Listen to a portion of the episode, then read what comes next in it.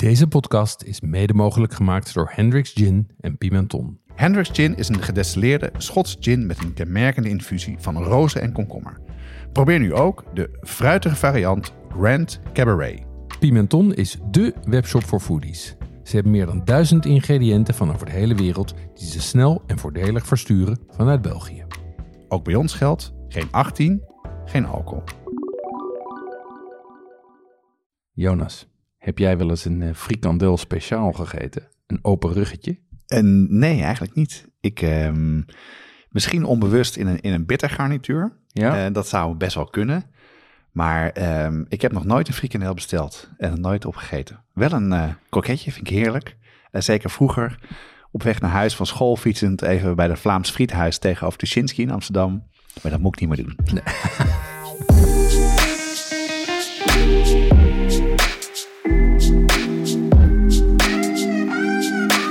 Wat schaft de podcast gaat over lekker eten en drinken, zelf koken en buiten de deur eten. Het is voor iedereen, van de beginnende tot de ervaren thuiskok. Deze aflevering gaat over de Thaise keuken. We geven een introductie van deze keuken. En hij is ook vooral bedoeld om jullie te helpen die keuken wat beter te leren kennen. Ja, en eh, we roepen de, de hulp in van een expert die hier echt verstand van heeft. Ehm Onno Stine van On Off Spices. Die eh, woont inmiddels een eh, groot aantal jaren in, in Thailand. Ehm, en eh, onder zijn leiding nemen we vijf gerechten door waar je goed mee kan beginnen. Nou, eerst tijd voor een drankje. Wat, eh, wat heb je meegenomen, Jeroen? Of wat, wat, nee, wat heb je gemaakt? Jeroen heeft een, eh, een spa-fles waar iets soort van geel-oranje bruisend eh, drankje uitkomt. Er staat op het etiket geschreven wat het is. Ik heb geen flauw idee. Wat drinken we? Dit is eh, eh, gemberbier. Oh, lachen. Ehm, dat is eh, favoriet van mijn kinderen. Ehm, eh, maar de varianten in de winkel, je hebt een aantal kan je daar krijgen, maar die zijn vaak te slap en te zoet. ja? Dus toen dacht ik, kan ik dat niet zelf maken? En ehm, eh, ik heb hier de, de snelle route gekozen. En die maak je met eh, gembersap, limoensap, suiker, water en gist. Gewoon bakkersgist. En die laat je 24 tot 36 uur fermenteren. Ehm, en eh, ja, ik vind, hem, eh, eh, ik vind hem erg lekker. En dus het heeft heel veel belletjes. En hij is inderdaad niet zo zoet, wat je vaak hebt met gemberbier. Maar hij is ook niet zo pittig. Dus ook, want gember kan natuurlijk best wel een beetje een soort van branden achter in je keel. Wat ik vaak wel van die, van die gemberbieren vind. Ik blink ze meestal aan met, met spa. Lekker hoor, dit. Ja, is lekker hè? En dit is maar drie dagen staan. Dit is de, nou ja, dat, ook dat is weer grappig. Ik ben daarmee begonnen. Ik ben begonnen met een recept. ehm, echt midden in de winter. En toen, eh, toen stond hij zeg maar twee dagen. Ja. Ehm, en nu het weer ietsje warmer is. En dus echt, ik bedoel, maar twee of drie graden warmer. Red ik het inmiddels in een. eh, dat ik zeg, waar die nu is, daar, dit, is eh, dit is 36 uur fermenteren. En deze heeft echt zeg maar zoveel prik als een glas cola. Absoluut, ja. Ja. Maar Jeroen, als je naar de geur ruikt... heeft wel een beetje een soort van eh, kombucha-vibe hoor, vind ik. Hij heeft een funk. Ja, ja, ja, ja, dat heeft hij ook. Ja, en je kan hem ook, je kan hem ook met natuurlijke gister maken. Met een zogenoemde gingerbug. Mhm. Gebruik je de gist die gewoon aan de buitenkant van de gember zitten. Maar goed, dat, eh, daar had ik nog even geen zin in. Want daar kreeg ik, daar kreeg ik te veel kombucha-vibe van. Ehm, maar het grappige is dat deze inmiddels bij ons thuis zo populair is... dat ik eh, zeg maar om de twee of drie dagen maak ik twee liter. En eh, eh, dat wordt gewoon... ik, ik, ik koop eigenlijk geen eh, gemberbier meer. Wat grappig. En, Ja. en er, zit, eh, oh, er zit water bij. Ja, het is, het is echt heel simpel. Je draait gember met suiker en eh limoensap stuk. Ehm dat doe ik in zo'n klein blendertje. Daar heb ik je nog niks over verteld. Maar dat is mijn nieuwste, nieuwste liefde in de keuken. Is de Magic Bullet. Zo'n heel klein blendertje. Ja. ehm, die je heel goed kan gebruiken om, om alle harde dingen te malen. Maar ik gooi er dus gewoon eh, een ons gember in. Paar scheppen, eh, 150 gram suiker. ehm, eh, sap van één limoen. Dan blend ik dat. Dan verdeel ik dat over twee spaanflessen. Doe ik daar een kwart lepeltje eh, gist bij. Water.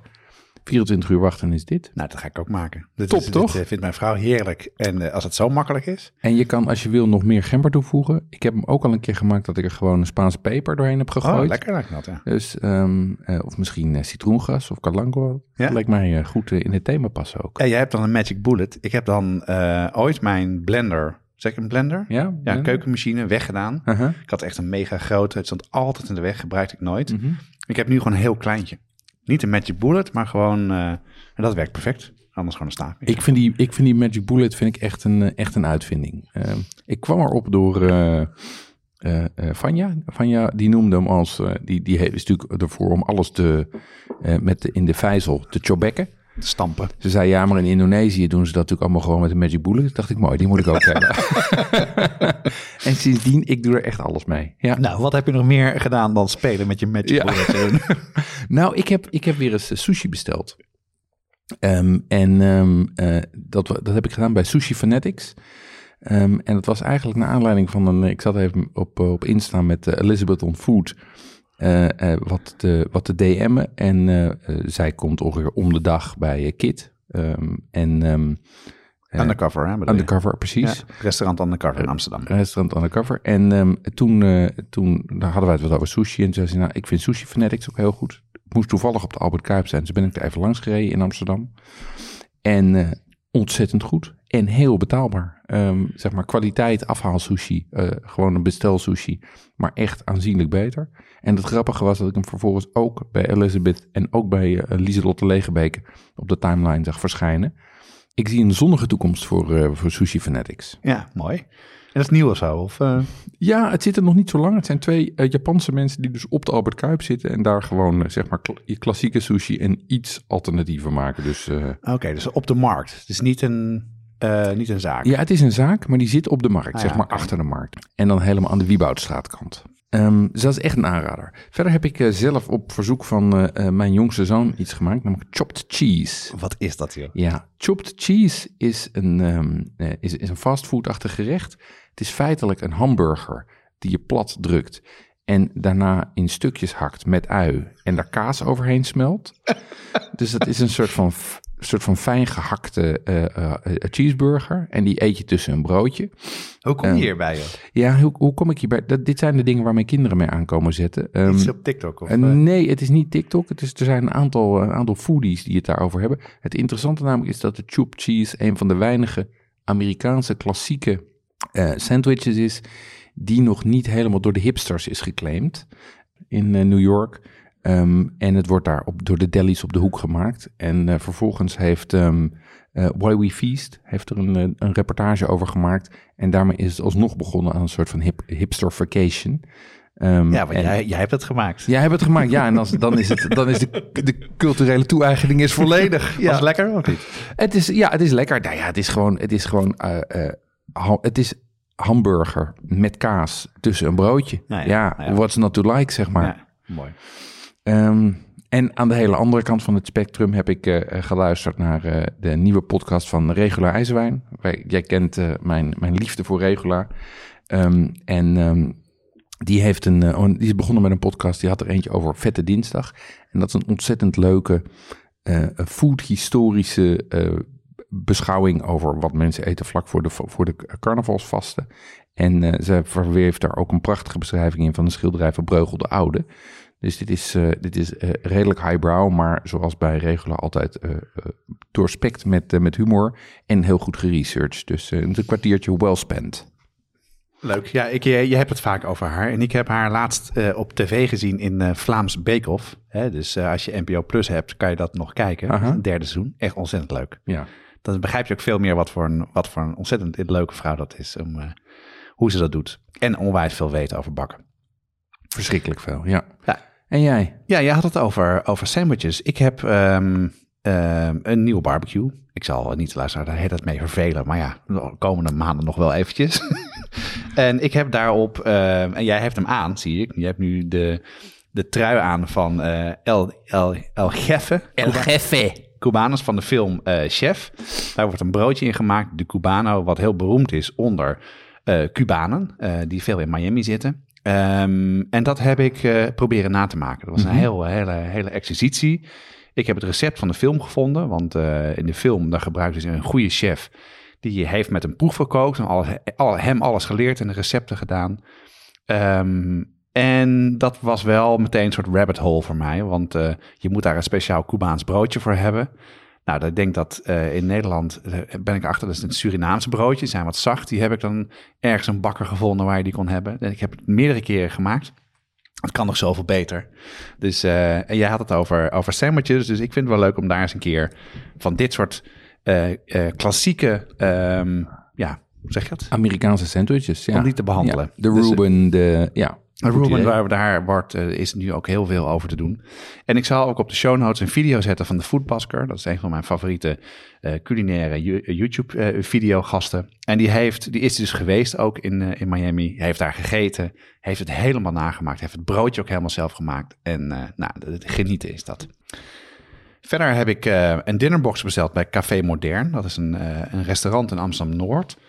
En dat is altijd een hele prettige plek om te eten. Het is Ja. niet zo highbrow, onwijs goed gekookt, maar ook een hele goede bediening. En, eh, dus ik was wel benieuwd. Eh, ik had mensen er wel over gehoord. En dat was echt ontzettend goed. En wat er zo tof aan was, het was heel makkelijk. Het eerste gerecht was koud. ja. Eh, het tweede gerecht eh, moesten we alleen even een soep opwarmen. En het laatste moesten we heel even in de oven schuiven. En dat was, eh, nou uit mijn hoofd, 28 euro per persoon. Oh ja. Of 25 euro zelfs. Ja. En we hebben met z'n drieën gegeten. Hebben ontzettend lekker gegeten. Echt heel lekker gegeten. En, maar niet met allemaal zakjes en dingetjes. En heel veel afval. Wat je bij heel veel van die high-end eh foodboxen hebt. Dus eh, dat, eh, die ga ik nog wel vaker doen. Dat was echt, een, echt een tip is dat. Het is alleen maar op zaterdag. Je moet wel hun Instagram in de gaten houden. Want ze hebben geen site. En je moet ze gewoon mailen. Ik was in de, in de spambox terechtgekomen. Dus ik denk, eh, wordt het nog, eh, krijg ik nog eh, contact? Maar dat is allemaal goed gekomen. En als laatste heb ik weer wat nieuws gemaakt. Dat is eh pho of pho. Ja, ik ga, ik, ga er niet eens aan beginnen. Dat is een Vietnamese, hele de bekende Vietnamese noedelsoep. Ja. ehm, die je maakt op een basis van bouillon van rundvlees. Dus een, en maar een heel erg veel frisse kruiden gaan er doorheen en verse kruiden. En ehm, we hadden gewoon een vrij grote hoeveelheid bouillon daarvan gemaakt en daar eh, een veu van gemaakt. Dat was eigenlijk eh, relatief simpel te doen. Mhm. En eh, vond ik ook wel passen bij waar we het nu over gaan hebben, Thais namelijk. Want veel van die ingrediënten komen ook in de keuken voor. Tobanjam en tamarindepasta, Carnaroli rijst en de juiste tahini. yuzu sap en panko. Moeilijk te vinden, zelfs als je een goede speciaalzaak in de buurt hebt. Daarom zijn we heel blij met onze partner Pimenton.be, de webshop voor foodies en hobbycooks. Die bezorgen vanuit België in de hele Benelux voor maar 3,95 euro. Ga naar pimenton.be om te bestellen. En leden van de brigade krijgen 12% korting. De actuele kortingscode vind je onder andere in de nieuwsbrief. Dan naar het hoofdonderwerp, de Thaise keuken. Hoe heb jij de Thaise keuken ontdekt, eh, Jonas? Ja, eigenlijk heel laat. En dat is wel heel gek, want ik woonde eh, toen in de buurt van de Nieuwmarkt in Amsterdam. Dat is vlak bij de Zeedijk. En de Zeedijk is de plek waar, eh, nou, waar het, veel Chinese restaurants zijn. Dus ik ken Nam Ke bijvoorbeeld wel, wat wel veel mensen misschien kennen, ook van de film. Maar Thais niet. En pas toen ik ging eh, studeren, eh, tipte iemand mij eh, een snackbar, Snackbar de Bird. Eh, dat was ook vroeger een snackbar en die heette nog hetzelfde. Heel klein, kan je zitten echt dicht op elkaar. En toen ik daar eenmaal ben gaan, gaan eten, toen was het voor mij geen weg meer terug. Ehm, het was zelfs zo erg, als ik daar binnen kwam lopen, wisten ze precies al wat ze moesten maken. Dus dat, dat was... eh, dat, dus, en, en ik ben ook in Thailand geweest en daar heb ik het echt geproefd. En het was heel leuk, was op mijn verjaardag was ik daar. Toen waren we in een soort van restaurantje, wat ja, eh, plastic tafeltjes, alles open. Een hele grote vrouw, wat je niet zoveel ziet. Eh, veel Thais zijn heel slank. En die zei, you, come to kitchen, big honor. en toen heb ik me naar de keuken gegaan. En daar hebben ze dus allemaal dingen zitten maken, zoals gefrituurde vissen. Dat was fantastisch, echt. En eh, dat was mijn liefde voor de Thaise keuken eh, begonnen. Ik maak het niet heel veel zelf, dus daarom ben ik ook heel benieuwd wat, eh, ja, wat we vandaag gaan behandelen. En jij, wat heb jij ermee? Ja, bij mij is het ook relatief laat gekomen. Ehm, eh, ik heb mijn eerste Thaise gerechten gegeten toen ik bij Pacific Century werkte. Daar heb ik het wel eens vaker over gehad. Eh, restaurant waar ik heb gewerkt. Daar leerde ik ook voor het eerst koriander proeven. En maakte bijvoorbeeld ook een lobster curry. Ehm, dus daar, eh, eh, laat ik zeggen, ging, maakte ik voor het eerst kennis met eh Thaise smaken. Ehm, en daarna is het iets waar ik, wat we een tijd lang ook vrij veel als take-out deden in, Ja. in, in Amsterdam. Ehm, en ook een paar keer chic Thais gegeten bij, bij Tom Yam of Take Thai. Wat meer de upscale Thaise zaken zijn. Want dat vind ik wel leuk aan Thais. Dat, dat we ook, ook al geruime tijd en wat meer upscale zaken hebben. Ehm, en eh, inmiddels eh, eh, kook ik regelmatig, maar wel altijd uit kookboeken. Want omdat ik er ook nooit geweest ben, heb ik eigenlijk niet een goed referentiekader over wat ik precies dan moet maken. Dus ik blijf er altijd heel dicht bij de instructies. Ja, ja ik ook. Ja. Hey, wij, we hadden dit, het gesprek hierover, om, omdat ik denk dat veel mensen die kennen Thais wel van, nou, zoals wij het ook kennen. Maar we wilden eigenlijk bewust een aflevering maken die gaat over hoe je moet beginnen. En toen zei jij meteen, oh, dat weet ik wel. Dan moeten we, dan moeten we Onno hebben. Ja. Vertel. Ja, kijk, Onno is, was de IT-manager bij mijn eerste werkgever, ruim 20 jaar geleden. Um, en nou, we reden vaak heen en weer vanuit Amsterdam naar de Meern, waar wij allebei werkten. Um, en uh, we hebben een aantal, en daar kwamen we er al snel achter dat we allebei van koken hielden. Dus toen hebben we ook een aantal keren samen gaan koken. Um, en allebei een warme interesse voor de Aziatische keuken. En um, Onno is toen echt down the rabbit hole gegaan met Thais. Uh, die heeft een, uh, een professionele kookopleiding gevolgd in Thailand. Um, en is toen begonnen naast zijn werk om in Nederland workshops te geven over de Thaise keuken. Um, maar daar had hij het tegen mij vaker ook al over. Hij zei, ja, het is moeilijk om aan de juiste producten te komen zonder veel toevoegingen. En bovendien had hij grote zorgen over de duurzaamheid van die producten en de kwaliteit. Ja, ja. Um, en uh, dus toen is hij uh, uh, On-Off Spices gestart. Oh, Eerst ja. naast zijn werk. namelijk een, eigenlijk een fabrikant van, van currypastes en zo, maar dan um, duurzaam. En tien jaar geleden, na heel veel heen en weer vliegen, is hij naar Thailand verhuisd. En sindsdien woont hij daar. En uh, nou ja, maakt hij dus um, uh, die currypastas, is dat zijn werk. En dat ligt inmiddels bij de markt en bij de Ecoplaza en bij de Crisp, et cetera. Ja, ik heb het wel eens gezien. Ja. Je hebt het wel vaker gezegd, maar ik wist niet dat, uh, dat hij dat dus eerst vanuit Nederland is gaan doen. Maar het komt echt uit Thailand, toch? Wordt daar geproduceerd? ja, hij maakte daar, hij, is, hij heeft daar zijn opleiding gehad. Hij heeft daar, werkt daar met Thaise mensen. Hij maakt het daar en stuurt het dan naar Nederland. Hij woont daar ook gewoon ja. fulltime.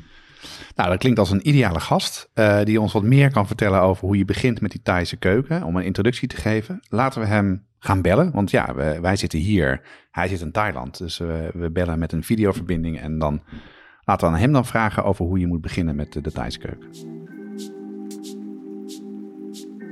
Onno, je woont al uh, tien jaar in Thailand voor Onno Spices, maar je bent al eerder begonnen met de Thaise keuken. Vertel eens hoe je bent begonnen met de Thaise keuken. Dat is inderdaad langer dan tien jaar geleden. Het is misschien wel twintig jaar geleden. En dat heeft te maken met ja, mijn algemene belangstelling voor de Aziatische keuken. Meer en meer in het bijzonder de Thaise keuken. En dat is gek genoeg niet door reizen naar Thailand, maar eigenlijk vanuit Nederland door het lezen van boeken en gaan eten in Amsterdam. Eigenlijk is de, de start voor mijn belangstelling voor de Thaise keuken echt wel gekomen met mijn kookopleiding in Thailand. Uh, en daarna ben je teruggegaan, hè? toen ben je nog niet gebleven daar. Ik heb een periode dat ik gewoon in Nederland werkte, heel veel op en neer gereisd. En dat werd meer en meer en meer. Uh, dat werd zo vaak dat mensen me vroegen, heb jij daar een vriendin zitten? uh, maar het ging, het ging puur over, de, over de, de passie voor Thailand. En dus niet alleen de keuken, maar ook gewoon het land. En de stap om dan te gaan emigreren, die is vrij makkelijk bedacht, maar minder makkelijk gerealiseerd. Dat kan ik me voorstellen. Daar, daar worden hele televisieprogramma's over gemaakt. Dus, uh... Die volg ik nog met veel plezier. Iedere, ja, het verschil is dat jij natuurlijk succesvol uh, achter de rug hebt uh, gehad. Mm, inmiddels kan ik dat wel zeggen, ja. Maar dat is, hij heeft ook een lange adem gehad. Ja. je hebt iets met, de, met de Thailand als land en ook een Thaise keuken. Wat, wat is het dan? Als je Thaise keuken zou moeten omschrijven, kan je dat ja, het is natuurlijk heel moeilijk om het even heel kort te doen, maar kan je een poging wagen? Ja, het is een heel veelzijdige keuken. Onterecht staat hij bekend de thuiskeuken als heel pittig. Dat is wel waar, dat is wel een element, maar het is niet al het eten is hier alleen maar heel pittig. De verscheidenheid tussen, tussen smaak, smaken en, en, en smaakbalansen, dat vind ik het interessant. Zoet, zuur, pittig, uh, bitter. Daar wordt volop mee gevarieerd in combinatie met ingrediënten en kooktechniek. In de voorbereiding tot deze podcast heb ik ook wat dingen zitten lezen. En daar kwam ik er ook wel achter dat, dat het de keuken van Thailand heel erg uh, beïnvloed is door de buurlanden. Hoe zit dat dan? Dat klopt, dat klopt. Thailand is, is uh, ontstaan uit, een, uit een, een koninkrijk, een Khmer-koninkrijk, waar ook Cambodja en een deel van Laos uh, ook ooit deel hebben van uitgemaakt. stukken van Maleisië, die zijn ooit Thais geweest. Dus grenzen zijn verschoven. Thailand is misschien wat kleiner geworden. Heel veel regionale of buurlanden invloeden zijn altijd gebleven. Uh, het allerberoemdste gerecht van Thailand is de, de somtam, de, de groene papaya salade. Dat willen Thai niet weten, maar die komt gewoon uit Laos. Dat is het nationale volksvoedsel. Maar zeg niet dat het niet Thais is. Natuurlijk ook gewoon de Chinese invloeden. Dat 70% van de Thai heeft Chinese voorvaderen. En dat zie je dus ook heel erg in, in, in het eten terug. Dat klopt, dat klopt. Een van de fascinerende ontwikkelingen die ik ontdekte toen ik hier net was, is een combinatie van Italiaans met Thais. Er wordt heel veel gecombineerd met, uh, met tomatensaus en spaghetti. En dan wordt daar een Thaise versie van gemaakt. Dat is grappig dat je dat noemt, want ik was ook wat research aan doen. Ik zie dat er hier nu in Amsterdam de eerste Thai-Italian is geopend. Die, uh, die ook inderdaad een crossover van pizza's met Thaise invloeden biedt. Dus misschien moeten we daar maar eens gaan bestellen, Jonas. Jij noemde net die, die, die vijf smaken. Um, hoe zit het qua structuren? Wat zijn, de, wat zijn zeg maar leidende structuren als het, of kooktechnieken die je veel tegenkomt in, in de Thaise keuken? Nou, er wordt natuurlijk heel veel gewokt. Uh, dat is echt wel een van de belangrijkste, denk ik. Hoogvuur, echt die Chinese woks met zo'n zo soort straaljager, branden daaronder. Maar er wordt ook veel uh, gefrituurd, er wordt veel met olie gewerkt. Stoom is ook echt een element wat heel belangrijk is. En dat is niet alleen maar dimsum en bapauwachtig, maar dat wordt, daar wordt ook veel gestoomd. Uh, veel salades worden met een, vijzel, hè, een grote vijzel gestampt. Daar wordt uh, een klein beetje de groente gekneusd om ook de smaken goed te vermengen. Knoflook, vissaus, limoensap. Zoals we dat ook uit, uh, uit de Indonesische keuken kennen, zeg maar, de chobek. Ja, maar dan is, dat is, dat is ik, ik weet niet of je dan doelt op, op uh, echte fijne, hè, een boemoe maken, want dat is niet de mhm. bedoeling. Mm -hmm. Je wil, je wil okay. de ingrediënten even gewoon een korte tik geven. En, en ja. uh, bijvoorbeeld die groene papaya. Het moet zeker niet tot moes geslagen worden, maar uh, ik, ik, denk dat de techniek erop neerkomt dat je ingrediënten een beetje kneust, waardoor ze ook, ook de, de smaken van andere, andere toegevoegde elementen opnemen. Nee, ik snap het. Ja, kneus is natuurlijk een, uh, de, hoe noemen ze het, de smashed cucumber salad, zeg maar in die lijn. Dat je een, uh, dat je een vooral groente een beetje gaat slaan of knijpen, wat wij bijvoorbeeld ook wel met, met kool doen voor koolsla, om te zorgen dat, het, dat de smaken meer, meer mengen. Om dat eigenlijk dat, dat mengingsproces te versnellen. Klopt, klopt helemaal. En dan, en dan de, de, de zuurelementen van limoensap en het zout, die zorgen natuurlijk ook nog voor een bepaalde afbreking. Ja. Als laatste is, er wordt er heel veel gegrild. Dus wat je in Nederland de barbecue zou noemen, maar grill is uh, overal aanwezig. Dus dat is veel, veel kip en veel varkensvlees. Uh, maar ook wel heel veel, heel veel seafood, inktvis, mosselen. Hey, en jij woont nu al een tijd in Thailand. Is het dan zo dat jij altijd kookt? Ik kook bijna nooit meer. Ik, ik vind dat uh, Thai beter koken dan ik. Dat, dat is één. In ieder geval de Thaise keuken. En ik laat me ook graag verrassen. Verder is de, de cultuur hier veel meer om buiten de deur te eten. Uh, het is niet uit eten, maar je gaat gewoon even wat eten. En het gemak, en dat is ook een van de dingen die ik zo charmant vind in Thailand. Je kunt hier altijd overal eten. 24 uur per dag mijn, mijn eetpatroon verandert ook gewoon. Ik eet als ik, als ik trek heb. En ik eet niet als het, als het lunchtijd is. Of die, die momenten die, die verschuiven. Wat ik wel doe, is westers koken. Dat laat ik weer niet door een Thai doen. Dus dat doe ik echt wel een stukje beter. Uh, maar dat, is, dat zijn niet meer zo'n hoogdravende dingen zoals ik destijds met jou heb gedaan, Jeroen. Dat gebeurt zelden of nooit. Waar, waar liep jij tegenaan toen je begon met die cursussen en toen je begon met, om mensen te leren die Thaise keuken uh, te snappen? Waar, waar, moet je beginnen? Ik moest altijd ingrediënten uitleggen. Dat was de eerste les. En letterlijk, wat is het verschil tussen een, een, een en een charlotte? En dan wat exotische dingen als uh, citroengas, uh, galangal of laos. allemaal van die smaken die, uh, die voorbij komen in, in de keuken. Snijtechnieken, dat was ook een belangrijk element in mijn workshops ja, verder was het de, beschikbaarheid van ingrediënten. Dat was wel, wel een uitdaging. Gelukkig in Amsterdam toen niet. Maar ik, ik, ik, dat mensen buiten Amsterdam moeilijke aanvoer hadden van ingrediënten. Wat zijn de ingrediënten waarvan het essentieel is dat je de juiste krijgt, waar laat ik zeggen geen substituten voor zijn? Nou, basilicum is denk ik wel de, de allerbelangrijkste. Hè? Dus de Thaise basilicum die een zoete variant en een heilige of een holy basil. En dat zijn wel smaken die wel zo bijzonder zijn. En, en, en qua smaak, waar verschilt de, de Thaise, uh, waar, hoe verschillen de Thaise basilicums van de, van de Italiaanse en van, de, en van elkaar? Ja, ik denk, je, de, de, de holy basil is, is meer anijsachtig. Die wordt ook veel, veel in, de, in, de, in de Vietnamese keuken gebruikt. En ja, sweet basil is, is duidelijk wel wat zoeter. Wat zoeter. Er zit gewoon wat meer uh, zoete smaak aan. Minder kruidig. Minder kruidig, minder uitgesproken. Uh, ook wat ja. wel, wel, wel toegankelijker. Ik zou de Italiaanse basilicum ook wel toegankelijker noemen. Ja, ik vind het moeilijk om die twee met, met de Italiaanse te, te vergelijken. Het zijn gewoon drie verschillende smaken. Ja, en Italiaanse basilicum voeg je bijna altijd op het laatste moment toe. Thaise basilicum, die kan je ook heel goed gewoon meekoken of roerbakken, toch? Ja, ik, ook het laatste moment. Oké.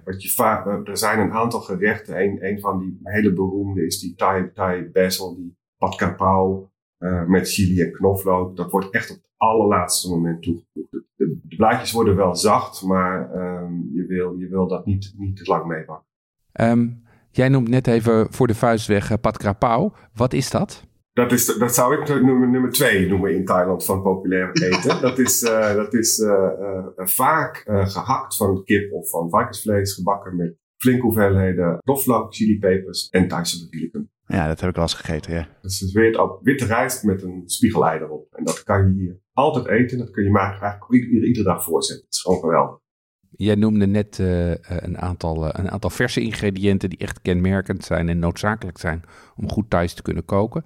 Um, maar de, de voorraadkast, zeg maar, de, de, houdbare producten, die zijn ook heel kenmerkend. Hè? Kan je ons even aan de hand meenemen door de, door de belangrijkste producten in de voorraadkast? Nou ja, je hebt in ieder geval de, de, de visgebaseerde producten. De, de lijn van, van oestersaus, vissaus, garnalen, garnalenpasta, gedroogd ook. Sojasaus, sojasaus. En, en nog wat andere smaakmakers, zoals, zoals tamarinde. En niet te vergeten kokos, kokosmelk. Ja. Maar dat klinken niet als hele onbereikbare ingrediënten, denk ik tegenwoordig. Ik denk dat veel van de dingen. Ik heb laatst even in de, in de supermarkt gekeken in het schap Thais. Daar stond toch al hartstikke veel van dit soort saus al. Ja, dat ben ik met je eens. Ik denk dat dat. Ik bedoel, ik ben al wel even weg uit Nederland, maar ik zit natuurlijk ook nog in die business. Dus ik, ik, ik geloof dat je goed aan, aan ingrediënten kunt bouwen. Zeker de dingen die, die houdbaar zijn. Ja. Uh, er zijn natuurlijk ook heel veel toko's waar je kan, uh, deze ingrediënten kan halen. Maar die zijn niet altijd voor iedereen buiten de grote steden bereikbaar. Maar ze hebben allemaal vaak wel webwinkels. Dus ik maak in ieder geval een, een blogpost waar van alle recepten die we zo direct gaan behandelen, alle ingrediënten in staan. Een soort boodschappenlijst uh, met linkjes. dan kan je in ieder geval zelf doen. Maar Onno, je kan natuurlijk ook jouw producten daarvoor gebruiken. Want je bent naar Thailand gegaan, maar je bent, hebt daar ook een bedrijf opgezet. Wat, wat voor producten uh, heb jij in je, in je voorraadkast, om het zo maar te zeggen, die mensen kunnen kopen? Ja, de, de, eerder genoemde sauzen voor, voor een deel. Uh, maar ook gewoon kant-en-klare uh, kruidenmengsels voor, voor currypasta, voor een groene curry, voor een tomkaassoep. En het idee daarachter is dat dat uh, gemaksproducten zijn. Dat je dat beschikbaar hebt, dat je snel dat wil maken. Niet altijd toegang hebt tot alle ingrediënten.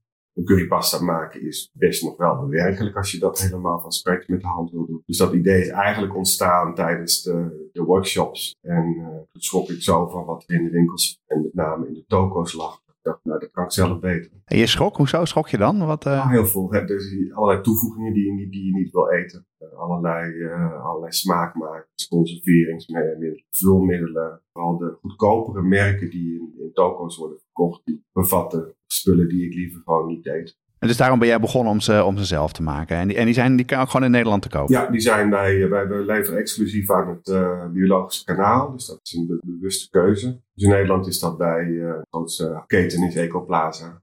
Um, rijst is heel belangrijk in de Thaise keuken. Kan je even uitleggen wat, hoe rijst wordt gegeten en welke verschillende soorten er zijn?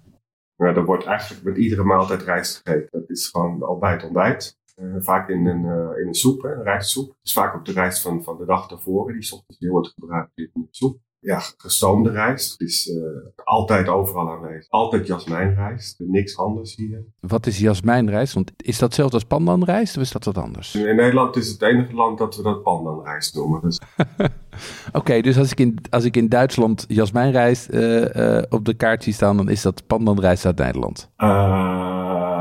Ja, ja. Nee, ik, ik, zou er niet mijn hand voor in het stuur willen steken dat je nergens een woord pandanrijst kan komen. Maar het is een hele eigenaardige uh, naam die in Nederland ja, bekend is. Ik heb me laten uitleggen dat dat komt dat de geur van het pandanblad doet denken aan jasmijnrijst.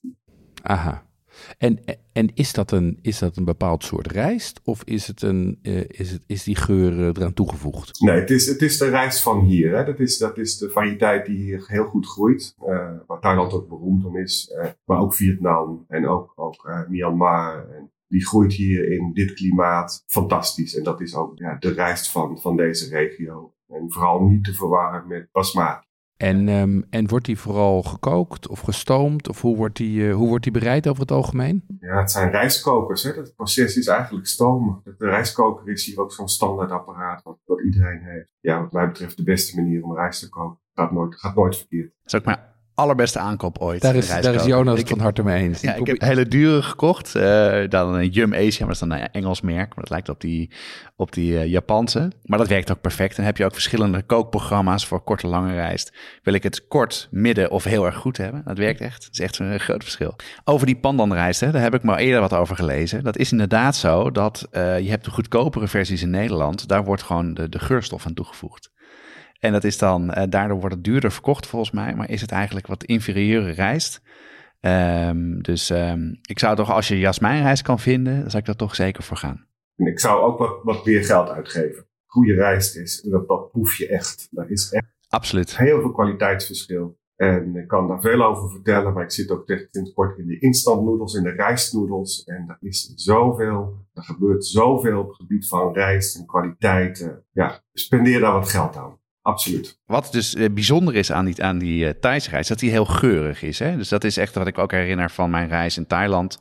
Je komt een, eh, een zaakje loop en je ruikt de rijst al. Dat maakt een heel groot gedeelte van het gerecht al, vind ik zelf. Ik, ik heb de illusie dat ik het ruik als ik aan, eh, uit, uit de slurf van het vliegtuig loop. Dan denk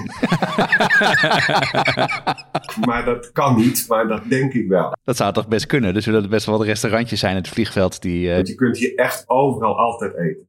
Nou, over eten gesproken. eh, laten we daarmee beginnen. Laten we beginnen met de eerste, Tom Yum. Leg even kort uit waarom je die gekozen hebt en wat dat is. En neem ons even mee in hoe je dat moet bereiden. Ehm, ik, ik heb een aantal gerechten gekozen die relatief makkelijk te maken zijn. En waar ingrediënten ook goed van voorhanden zijn. En eh, die ook nog eens een keertje wel, wel heel bekend zijn.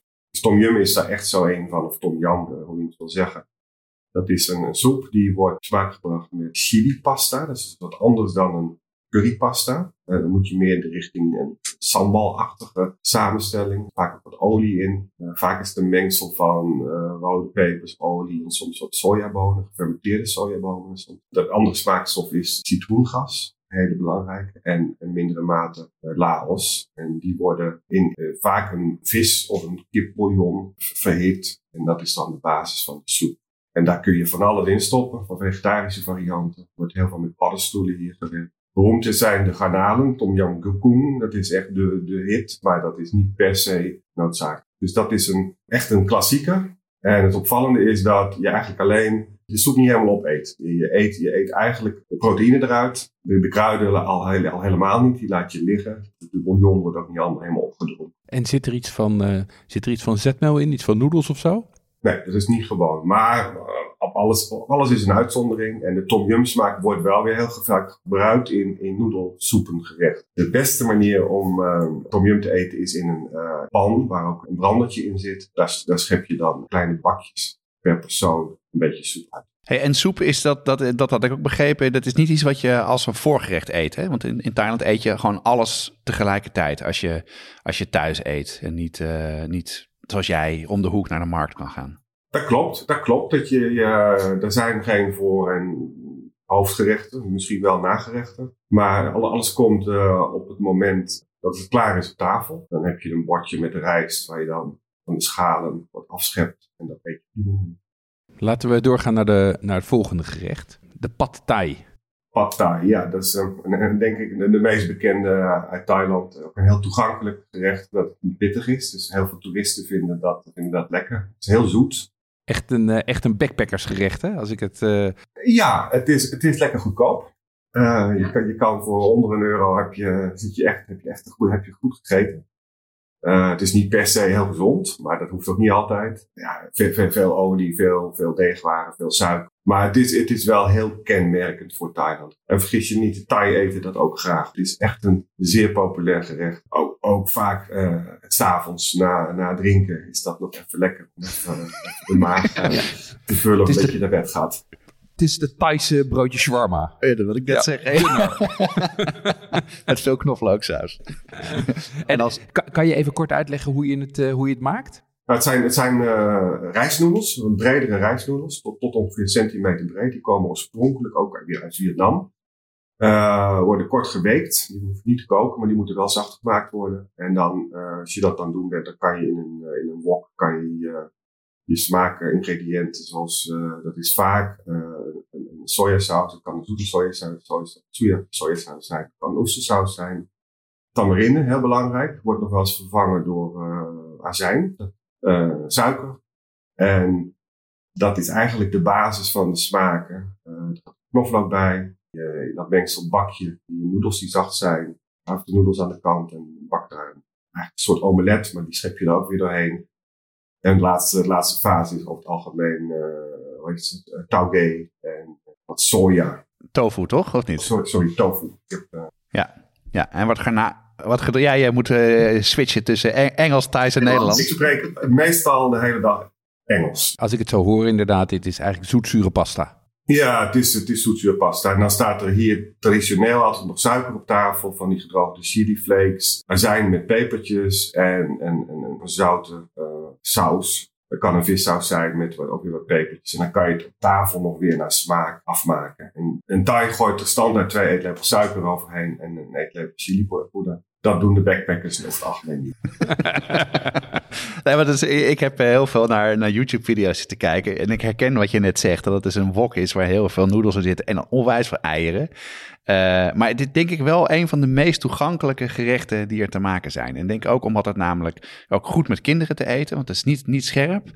En met, uh, ja, met ook weinig uh, ingrediënten die je moeilijk kan krijgen. Dus als je wil beginnen, zou ik zeggen, begin met pad thai. Nee, mijn, mijn kinderen zijn er ook dol op, dus dat, uh, dat, dat klopt. Um, helemaal geen zin hebt, dan koop je gewoon een flesje van, van mijn pad thai saus. En dan ben je echt no time ben je in business. Dan had jij een heel ander gerecht wat ik helemaal niet kende. ik, ga, ik ga niet mijn tong breken in de Thaise naam, dus ik noem het gebakken ijslaat. Leg jij vooral uit hoe het Thais is.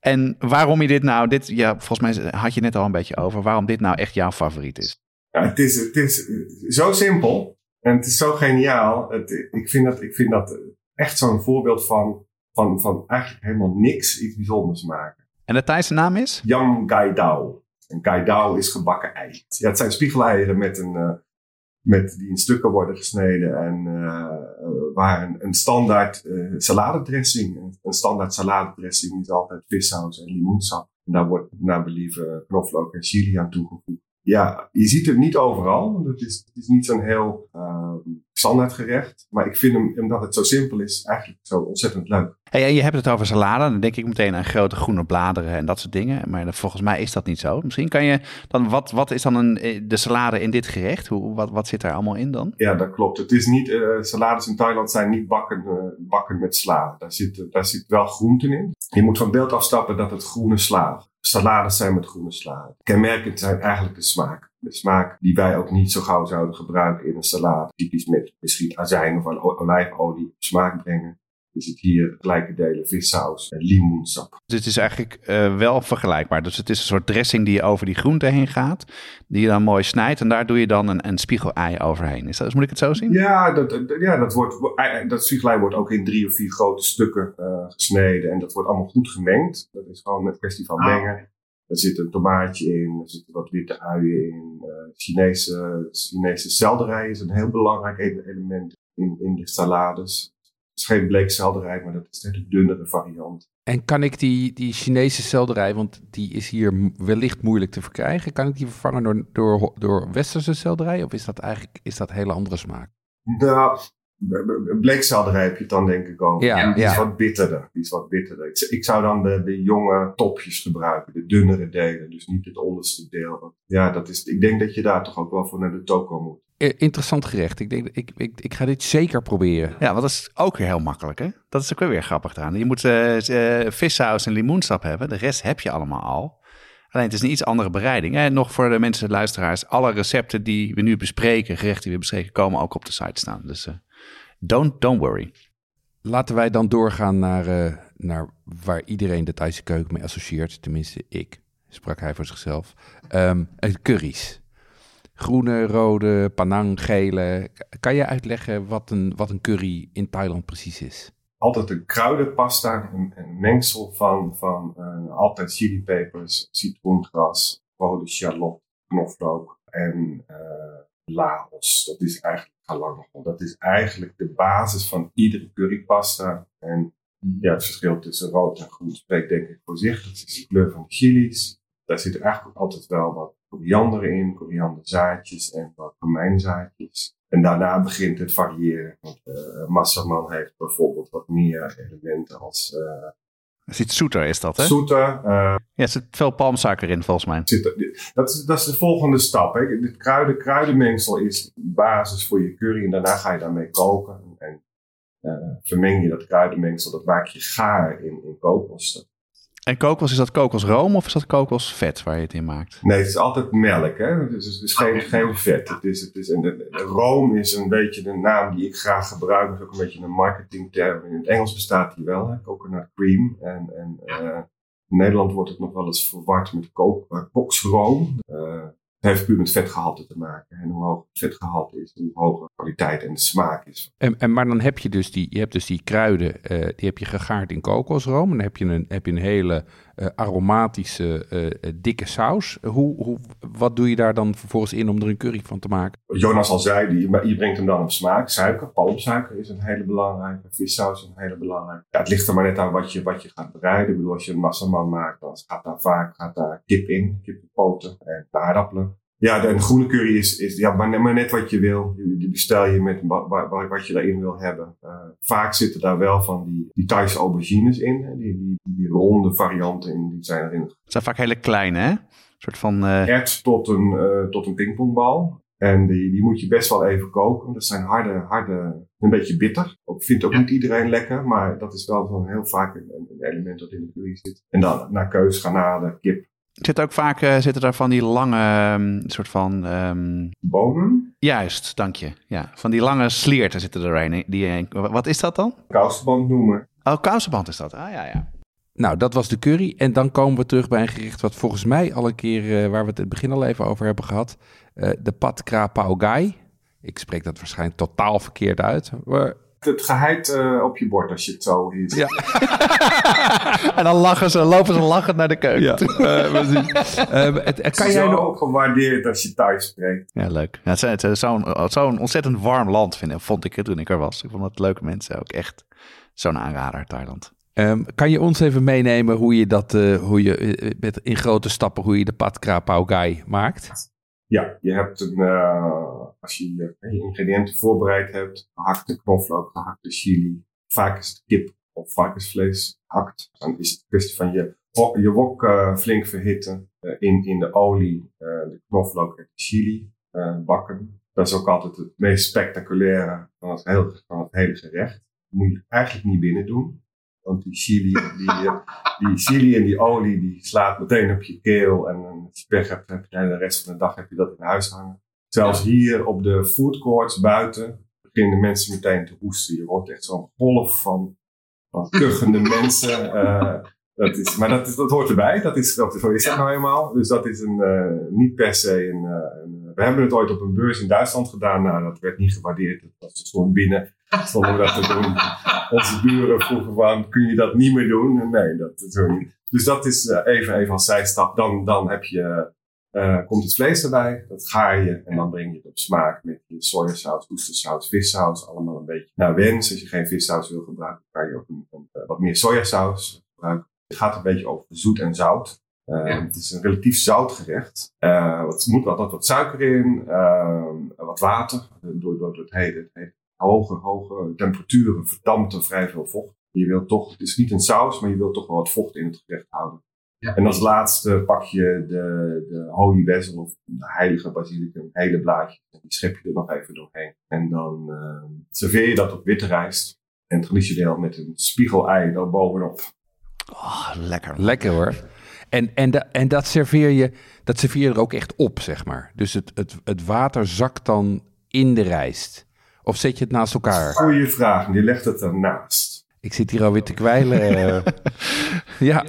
Um, en dan denk ik, nou dat waren vijf heerlijke gerechten. En inderdaad, uh, Onno, dat zijn allemaal super haalbaar. Ik bedoel, bij elk gerecht denk ik, nou, dat, uh, dat ga ik wel volgende week maken. Of even kijken of ik die, die ingrediënten heb.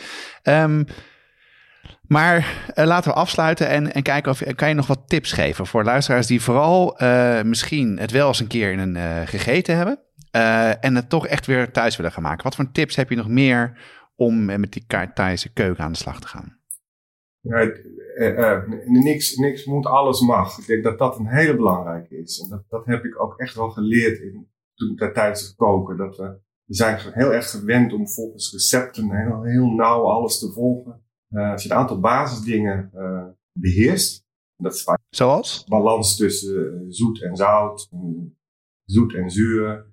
En als je dat, dan, dan, dan heb je een, heb je een ja, basis om heel veel dingen te doen.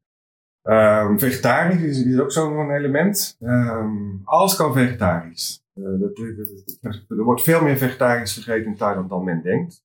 dus, dus dat is, dat is ja, je ziet, je ziet Thai ook gewoon eh, regelmatig vegetarisch eten vanuit hun geloof. Het is helemaal geen, geen must, maar het is iets wat men graag doet.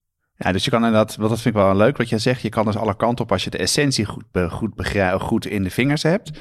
Dus dan kan je kip inderdaad gewoon vervangen voor tofu of voor andere dingen. En, uh, en dan blijft het gerecht staan. Nou, dat, is, dat wist ik helemaal niet. Ja, dus, dus de smaak, smaken komen van je, hè, van je, je verhoudingen van kruiden, van saus. Ja, dat is heel anders dan wij. Wij zijn, de smaak komt vaak van de proteïne. Dat is heel vaak hoe wij uh, in, in, het Westen koken. Onno, um, ontzettend leuk dat je ons te woord hebt willen staan. Ik ben hartstikke geïnspireerd om weer eens, uh, om, om, om, weer eens wat Thais te gaan koken. Die salade met, uh, met gebakken ei, die, daar heb ik nu al trek in, zeg maar. um, heel veel dank voor, voor je tijd en aandacht. Um, zoals gezegd, we zetten alle recepten en ook de verwijzingen naar jouw producten op de site. geniet nog van de rest van de dag daar en... Dankjewel. Bye bye. Oh, ik zei het net al, Jeroen, maar echt aandacht van de dingen. Het water loopt me al in de mond. Um, vegetarisch repertoire. Onno zei al dat, dat Thais heel goed vegetarisch te doen is. Is dat ook wat je geselecteerd hebt deze keer als, eh, als vegetarisch recept? Ja, wat mij betreft is het heel simpel. Um, die yam gai do, die salade van gebakken ei, lijkt mij uitstekend geschikt als vegetarisch repertoire. Um, zeker als je er een eh, vegetarische vissaus voor gebruikt, zoals bijvoorbeeld Onof die heeft. Um, dan is het een, uh, is het een snel en, uh, en praktisch gerecht. Vegetarisch en uh, het lijkt mij heerlijk. Dus die zetten we op het vegetarisch repertoire. Hartstikke goed. Deze podcast wordt, wordt gemaakt door Jeroen Doucet en Jonas Nouwen. De online productie van de show notes en recepten door Corianne van Dodewart Straathof. Reacties kun je sturen naar jeroen.watschaftepodcast.com of jonas.watschaftepodcast.com of stuur een DM via Instagram, Facebook of Twitter. Elke twee weken op donderdag staat er een nieuwe aflevering klaar. Meld je aan voor onze nieuwsbrief. Dan krijg je een seintje als een aflevering live is. En dan vang je ook alle recepten of eventueel alle andere aanvullende informatie, zoals de boodschappenlijst voor de vijf Thaise gerechten. Help ons door onze podcast door te sturen naar één iemand die ook van lekker eten en drinken houdt. En laat een review achter op Apple Podcast. Jonas, hebben we nog leuke reacties gehad? Ja, we hebben een hele leuke gehad van Air Force. Uh, vijf sterren met als titel Heerlijk om naar te luisteren. Eh, via de app van onze kookclub in Den Haag, Le Ami de Cuisine, werd ik op deze podcast geattendeerd. Gewoon heel fijn om naar te luisteren, waarschijnlijk omdat zoveel zaken herkenbaar zijn. Behalve dan de vele referenties naar de Amsterdamse zaken, ja, daar gaan we al. Ik heb er nog 35 te gaan, een fijn vooruitzicht. vooruitzicht. Meteen ook maar lid geworden van de brigade. Nou, dankjewel en uh, fijn dat je ook lid bent. Tot de volgende keer. Tot de volgende keer.